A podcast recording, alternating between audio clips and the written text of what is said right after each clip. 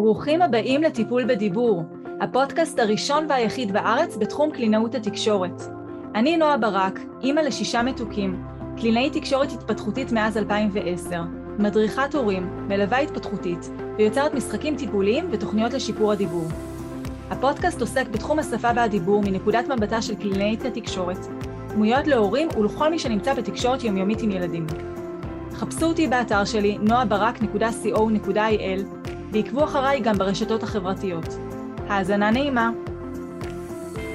לכבוד חג שבועות, חג המים, קבלו פרק חגיגי, מפוצץ בטיפים, איך לעזור לילדים שלנו לדבר טוב יותר בעזרת מים. פתיח ומתחילים. אז שלום, הורים יקרים, ואנחנו היום נמצאים בפרק מיוחד, מלא מלא מלא בטיפים וברעיונות, איך אנחנו יכולים להשתמש במים כדי לקדם את הדיבור של הילדים שלנו, כדי לעזור להם לדבר יותר ברור, יותר מובן, ביותר מילים, ביותר משפטים, להרחיב את החשיבה שלהם, ועוד המון המון המון דברים שאנחנו רוצים לסייע לילדים שלנו בהם. למה בחרתי דווקא במים? מעבר לזה שחג השבועות שמתקרב אלינו הוא מיוחס גם לחג המים, יש המון המון יתרונות לשימוש של מים בהקשר ספציפי לדיבור. קודם כל המים הם זמינים, כל יום יש לנו אינטראקציה עם מים. בין אם זה כשאנחנו מקלחים את הילדים, באמבטיה או במקלחת, מצחצחים להם שיניים, שוטפים להם ידיים, שוטפים כלים, משקים את הגינה, בחורף יורד גשם, שותים מים כמובן, אז מים הם מקיפים אותנו ו, אה, ומקיפים את, ה, את הסיטואציות הטבעיות שהילד ממילא נמצא בהן. בגלל שהם כל כך זמינים, בגלל שיש לנו אינטראקציות יומיומיות, קבועות וחזרתיות עם מים, זה מאפשר לילד להתייחס לסביבה הזאת, לשימוש במים, כמשהו שהוא בטוח, שהוא מוכר, הוא לא צריך להשקיע עכשיו אנרגיה בלמידה של פעילות חדשה. אני מתבססת על פעילות שהיא קיימת, וכמו שאתם יודעים, אני מאוד מאוד אוהבת, זה בעצם מה שמוביל את שיטת הטיפול שפיתחתי, להתבסס על דברים שהילד ממילא עושה, שהמשפחה ממילא עושה, כדי שם לקדם ולשפר את הדיבור של הילדים. הפעילות שהיא קבועה היא מצריכה מהילד להשקיע פחות אנרגיות, פחות uh, מאמץ בלמידה של הפעילות עצמה. למשל, אם אני משחקת איתו עכשיו באיזשהו משחק uh, פאזל או משחק אסטרטגיה שקניתי בחנות, הוא צריך קודם כל ללמוד את כללי הפורמט, את כללי המשחק, והוא משקיע המון אנרגיה שם. אז סביר להניח שבזמן הזה הוא יהיה פחות פנוי ללמידה טבעית של מילים שאני רוצה לעזור לו ללמוד אותן. לעומת זאת, אם אני לוקחת פעילות מוכרת, טבעית, שהילד כבר נתקל בה, שהילד חשוף אליה, שהיא אה, נותנת איזשהו עוגן וביטחון לילד כי הוא כבר יודע מה הולך לקרות ומה הולך להיות שם, זה מאפשר לי להרחיב לו שם ולאתגר אותו במקום השפתי, באוצר המילים שאני חושפת אותו אליהן, אה, בדיבור שאני אומרת לו תוך כדי. מעבר לזה, בגלל שמים עוטפים אותנו ואנחנו נתקלים במגע עם מים בכל כך הרבה סיטואציות שהן שונות, זה מאפשר לי מאוד מאוד להרחיב את הלמידה של הילד. למשל, אם אני מדברת על המילה להשפריץ, אז הוא יכול לשמוע את המילה הזאת בהקשר שאני עכשיו מקלחת אותו באמבטיה, אבל אפשר גם להשפריץ מים בזמן ששוטפים ידיים, שזה פעילות אחרת, זמן אחר, איברים אחרים בגוף שכרגע נמצאים בפעילות הזאת. אפשר גם להגיד להשפריץ בזמן שאנחנו שוטפים כלים במטבח, ואז בכלל זה מוציא אותנו למקומות אחרים.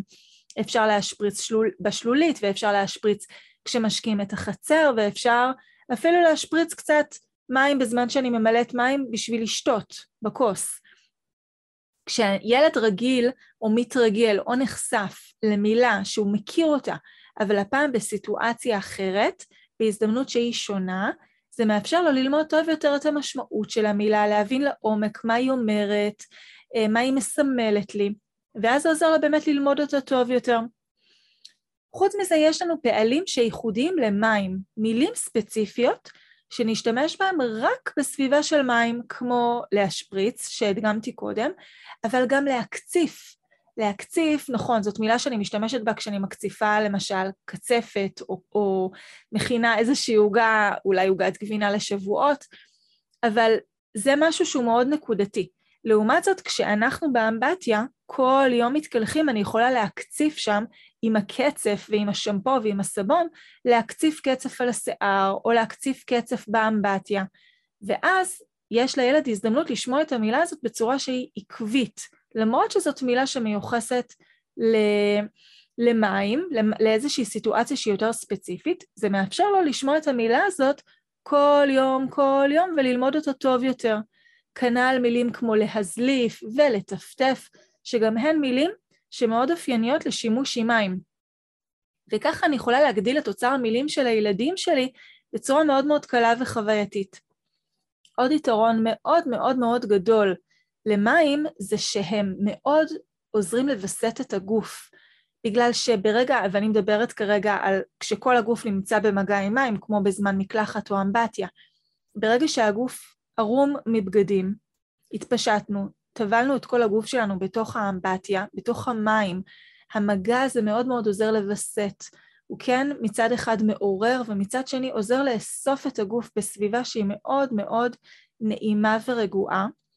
והמגע הרב-חושי הזה מאפשר לילד אה, יותר ביטחון להתנסות בדברים שקשים לו, למשל דיבור. ואני יכולה לשתף אתכם, ומי שעוקב אחריי יודע שאחת מהילדות המדהימות האהובות שלי, אה, שכשהיא הייתה ילדה צעירה, היא הייתה פחות ממלמלת, היה לה איזשהו עיכוב בדיבור שלא כל כך ידענו למה לייחס אותו.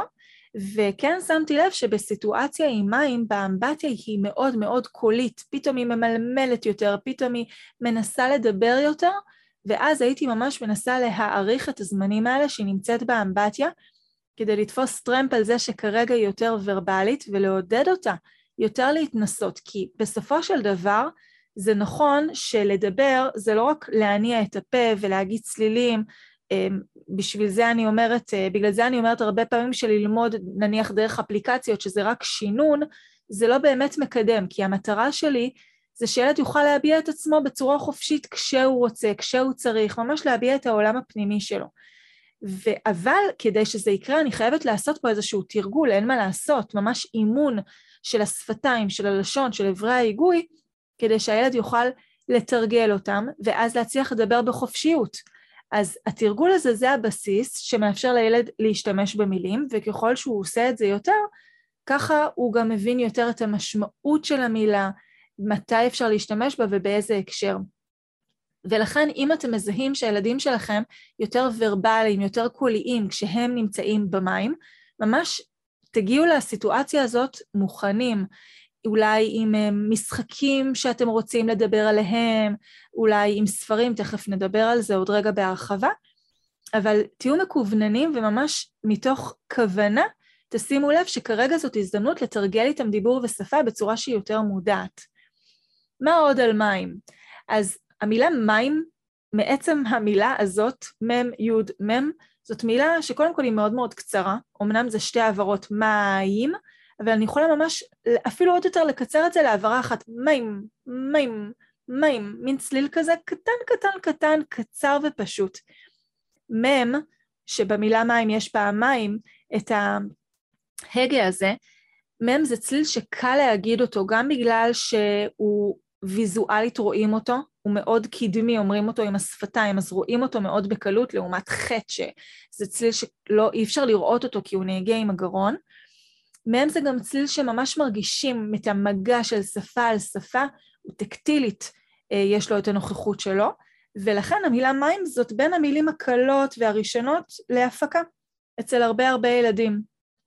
קל ללמוד להגיד אותה, וכל מילה שהילד שלי לומד להגיד זה, זה מגדיל את הביטחון העצמי שלו ואת תחושת המסוגלות שלו, ובטח שאני רוצה להרחיב לו מאוד מאוד מהמאגר הזה.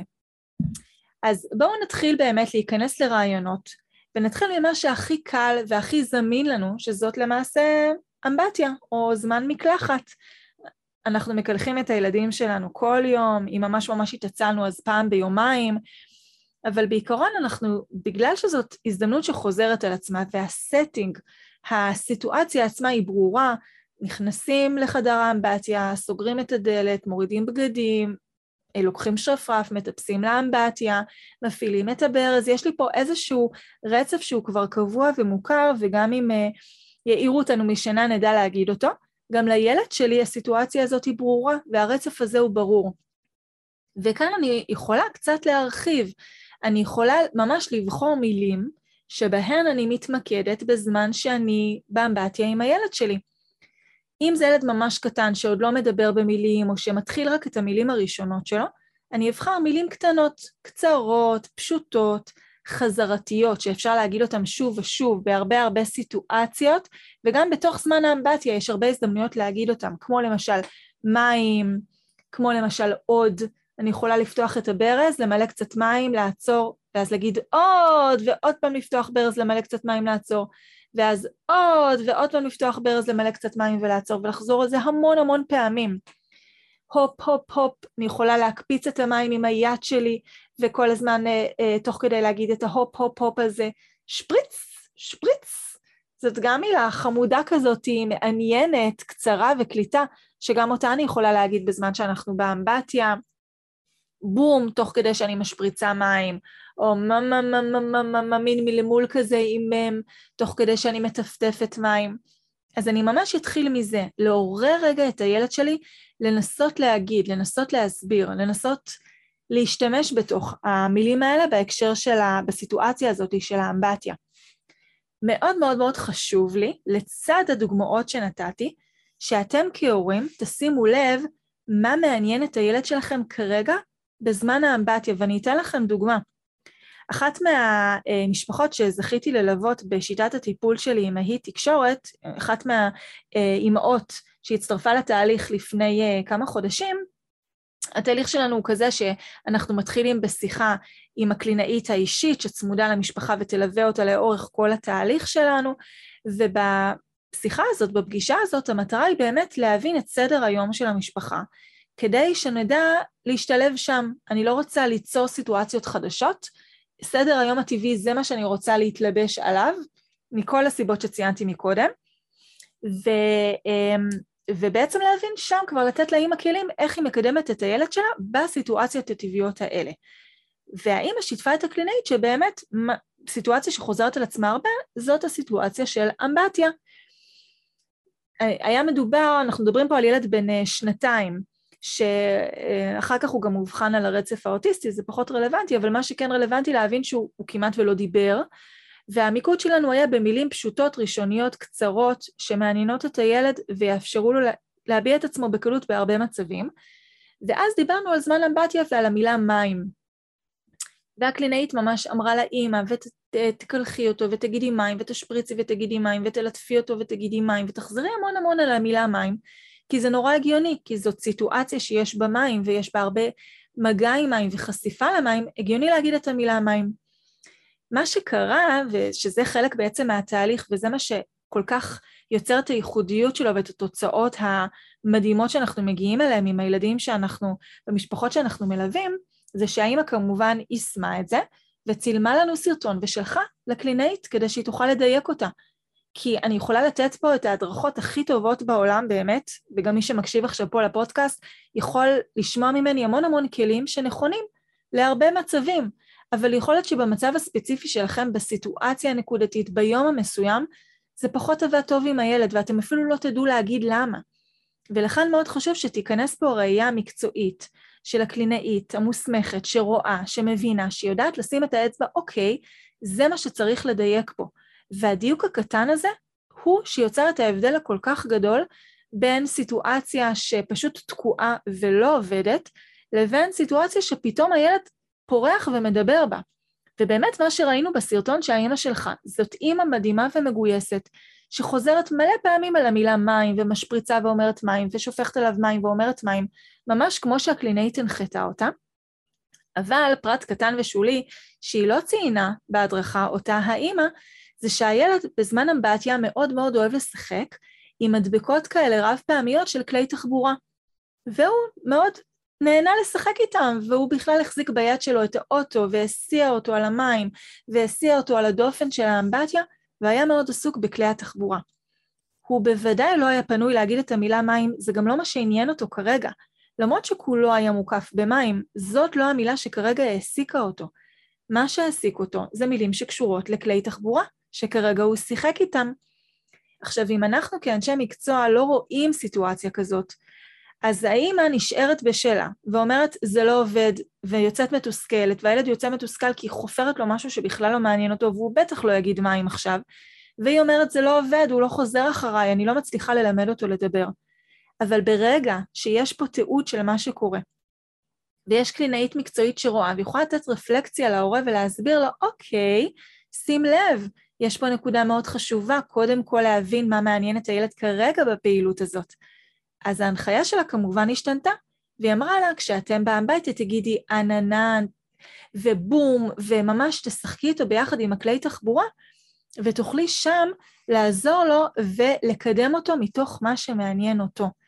אז תמיד תמיד תמיד שימו לב שכשאתם בפעילות עם הילד יכול להיות שמאוד ברור לכם מאליו להגיד מילים מסוימות, אבל אותו כרגע זה לא מעניין, אותו מעניין משהו אחר, ולכן ההתבוננות הזאת היא כל כך חשובה, כדי שנדבר על מה שבאמת מעניין את הילד שלי כרגע.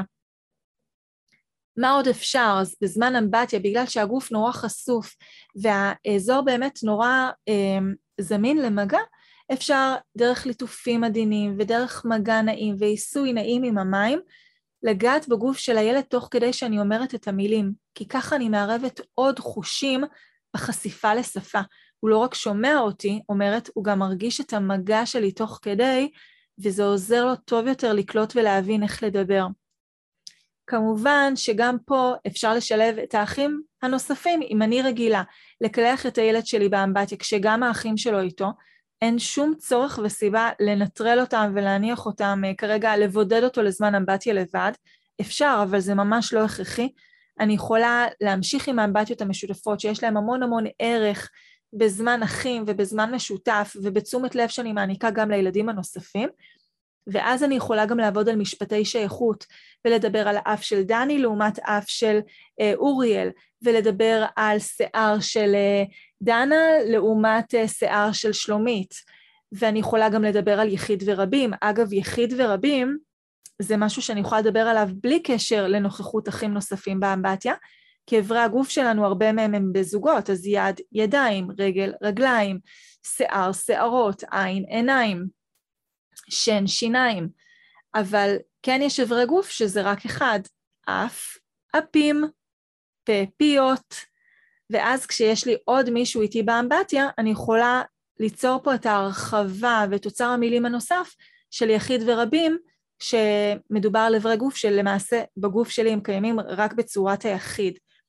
כמובן שברגע שיש לי מישהו נוסף בתוך האינטראקציה, זה מאפשר לי לעבוד על התייחסות לאחר ועל התחשבות ועל סבלנות, ולראות ולהבין שאני לא לבד בעולם, אני פה כחלק מסביבה, כמו שקורה בגן שיש עוד ילדים, וכמו שקורה בכל מקום שאני אגיע אליו.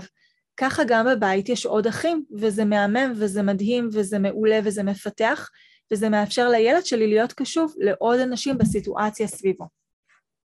אגב, מי שאין לו אמבטיה, יכול פשוט להשתמש בגיגית גדולה, אפילו גיגית שקונים באיזשהו סטוק כזה של אה, כלי בית, ומדי פעם, לא חייבים כל יום, אבל מדי פעם באמת ליזום זמן אמבטיה, כי הנוכחות הזאת היא רגע בתוך המים, לפרק זמן שהוא לא רק פונקציונלי, לנקות ולצאת, אלא עוד קצת זמן, מאפשר לי, כמו שאמרתי, כל כך הרבה דברים שפתיים לקדם את הילד, שכדאי, כדאי לשלב את הזמנים האלה גם אם אין לכם ממש אמבטיה.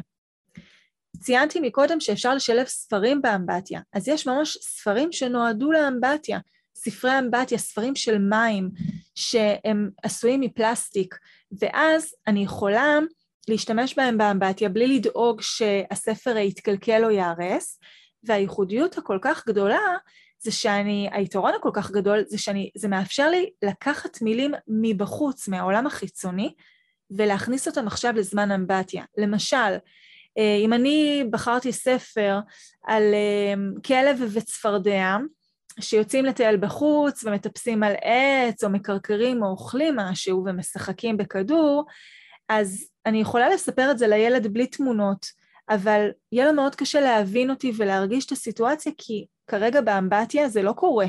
זה לא מה שהוא חווה עכשיו באמבטיה. אבל אם אני מביאה ממש ספר ונעזרת בו, ומסתכלים על התמונות ומספרים סיפור במילים שלנו אפילו, לא צריך מילה במילה מהספר, אבל במילים שלנו מספרים את מה שרואים בתמונות ואת מה שקורה פה עכשיו, זה מאפשר לילד שלי להגדיל את אוצר המילים ובאמת לשוחח על דברים שגם אם כרגע הם לא רלוונטיים לסיטואציה, אני בעצם יצרתי הזדמנות שהם כן, אני אוכל לדבר עליהם בזמן האמבטיה הזה. ומה לגבי הזדמנויות נוספות יומיומיות שאני יכולה לדבר בהן על מים? אז אני יכולה לקשר עוד הזדמנויות שיש בהן שימוש במים, וככה להרחיב ולבסס את ההבנה. למשל, בזמן שאני שוטפת כלים, אני משתמשת במילה רטוב, או במילה להקציף, או במילה לקרצף, או במילה לנקות, או במילה לסבן, וזאת מילה שהילד כבר נתקל בה כשהוא היה באמבטיה, והוא גם ייתקל בה כשהוא ישטוף ידיים, ואז זה ממש ממש עוזר לו לבסס ולהבין את המשמעות הרחבה של המילה הזאת, שלסבן זה לא רק הסבון הוורוד שמשתמשים בו על היד שלי בזמן שאנחנו, או על הרגל שלי בזמן שאנחנו באמבטיה, אלא לסבן זאת כל פעילות שמערבת סבון, שמשתמשים בה כדי לנקות משהו, וזה נכון גם כשרוחצים ידיים, לא באמבטיה, וזה נכון גם כששוטפים כלים במטבח. אז יש לילד פה את היכולת להרחיב ולהבין ממש לעומק משמעויות של מילים, וככה הוא יוכל להשתמש בהם בצורה הרבה הרבה יותר טובה והרבה יותר רחבה. כי כמו שאמרתי, הוא לא רק מתרגל מוטורית עם הפה שלו איך להגיד את המילה, שזה הבסיס וזאת ההתחלה וזה חשוב מאוד, אבל אני רוצה לעזור לו באמת להבין משמעות רחבה של מילים.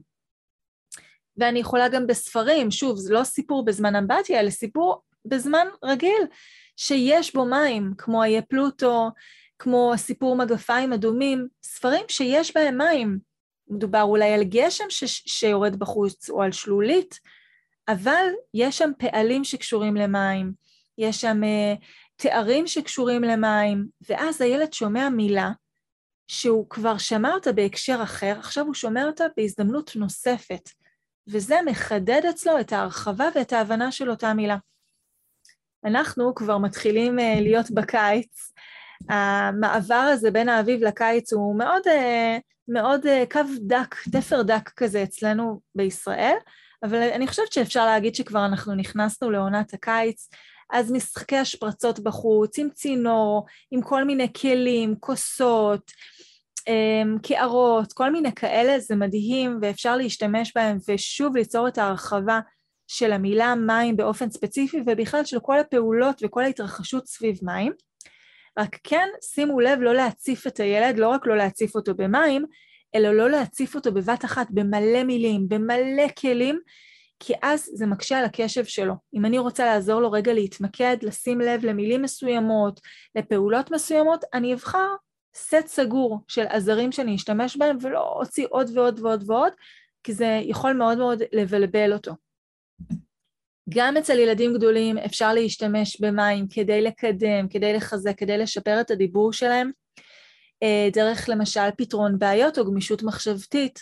אם משהו פתאום נרטב, אני יכולה לחשוב עם הילד איך זה נרטב, מה גרם לזה להירטב, ומה אפשר לעשות עכשיו, מה נעשה, איך נייבש את זה, ואולי לחשוב על כל מיני רעיונות וכל מיני פתרונות לבעיה מסוימת.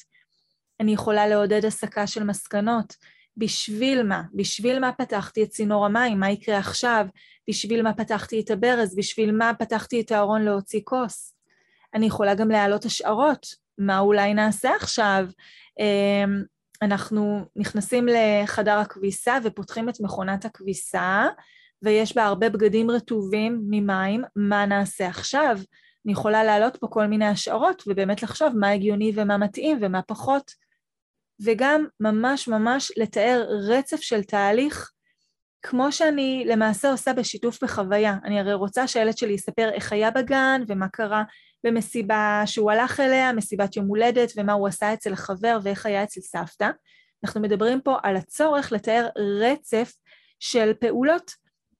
אז אני יכולה בזמן שימוש עם מים, פעילות המים, לתאר פה רצף של פעולות. קודם נפתח את הברז ואחר כך נלחץ אמ, על הכלי עם הסבון כדי להוציא סבון. קודם נשפשף ידיים ואחר כך נשטוף אה, עם מים את כל הסבון שיש על היד. וכמובן, אין סוף לרעיונות ולרצפים שאפשר לדבר עליהם, וברגע שאני, זה במודעות שלי ואני מבינה שלדבר על רצף של פעולות זה מה שמאפשר לילד שלי אחר כך לשתף בחוויות, אני יכולה לעשות את זה מתוך מודעות ובאמת בצורה שהיא טובה. ועוד דבר, אם יוצא לכם לצלם את הילדים שלכם בזמן שהם פעילו, בפעילות עם מים, זה בכלל להיט, כי ככה אתם יכולים ממש לחזור ולצפות שוב בפעילות המשותפת שעשיתם. אז גם אם הילד שלכם נגיד מאוד אוהב אה, להיות במסך ואתם צריכים רגע את הכוס קפה שלכם ואת השקט ו- וצריכים לאפשר לו את המסך בשביל להיות בפניות רגע לדברים אחרים שקשורים אליכם, אפשר להראות לו סרטונים שצילמתם, סרטונים ביתיים, למשל סרטוני מים שצילמתם, ואז זאת הזדמנות בשביל הילד עוד פעם לשמוע ולהרגיש את החוויה וללמוד אותה ולהיזכר במילים ובשפה ששימשו אותו באותה חוויה. וכמובן שזה עדיף לי מאשר תוכן מעובד, מוצף בגירויים שילדים נחשפים עליהם אה, בתוכניות שיש היום. ואם יתאפשר לכם לשבת ביחד עם הילד ולהסתכל על התמונות או על הסרטונים שצילמתם, זה בכלל מדהים. אתם יכולים לתווך להם ולהשתמש במילים הספציפיות, המילים שמתאימות לאותה סיטואציה, ולעזור לילד לזכור ולהיזכר איך אומרים, מה אומרים, מה המשמעות של כל מילה, מה הרצף ש, של הדברים שעשינו פה ביחד בפעילות, אז בכלל אה, דרך מצוינת להעשיר ולפתח את השפה שלהם. מקווה שנהנתם, מוזמנים לכתוב לי בתגובות מה לקחתם על עצמכם מתוך כל הפרק מים הזה, לעשות קצת אחרת בפעם הבאה שתהיו עם מים עם הילדים שלכם, והכי הכי חשוב, שיהיה חג מים שמח. תודה שהאזנתם לעוד פרק בפודקאסט טיפול בדיבור. רוצים לקבל כלים מיידיים ולעזור לילדים שלכם לדבר טוב יותר כבר עכשיו? שילחו הודעה לנייד 050 769-4841, ואולי נדבר בקרוב.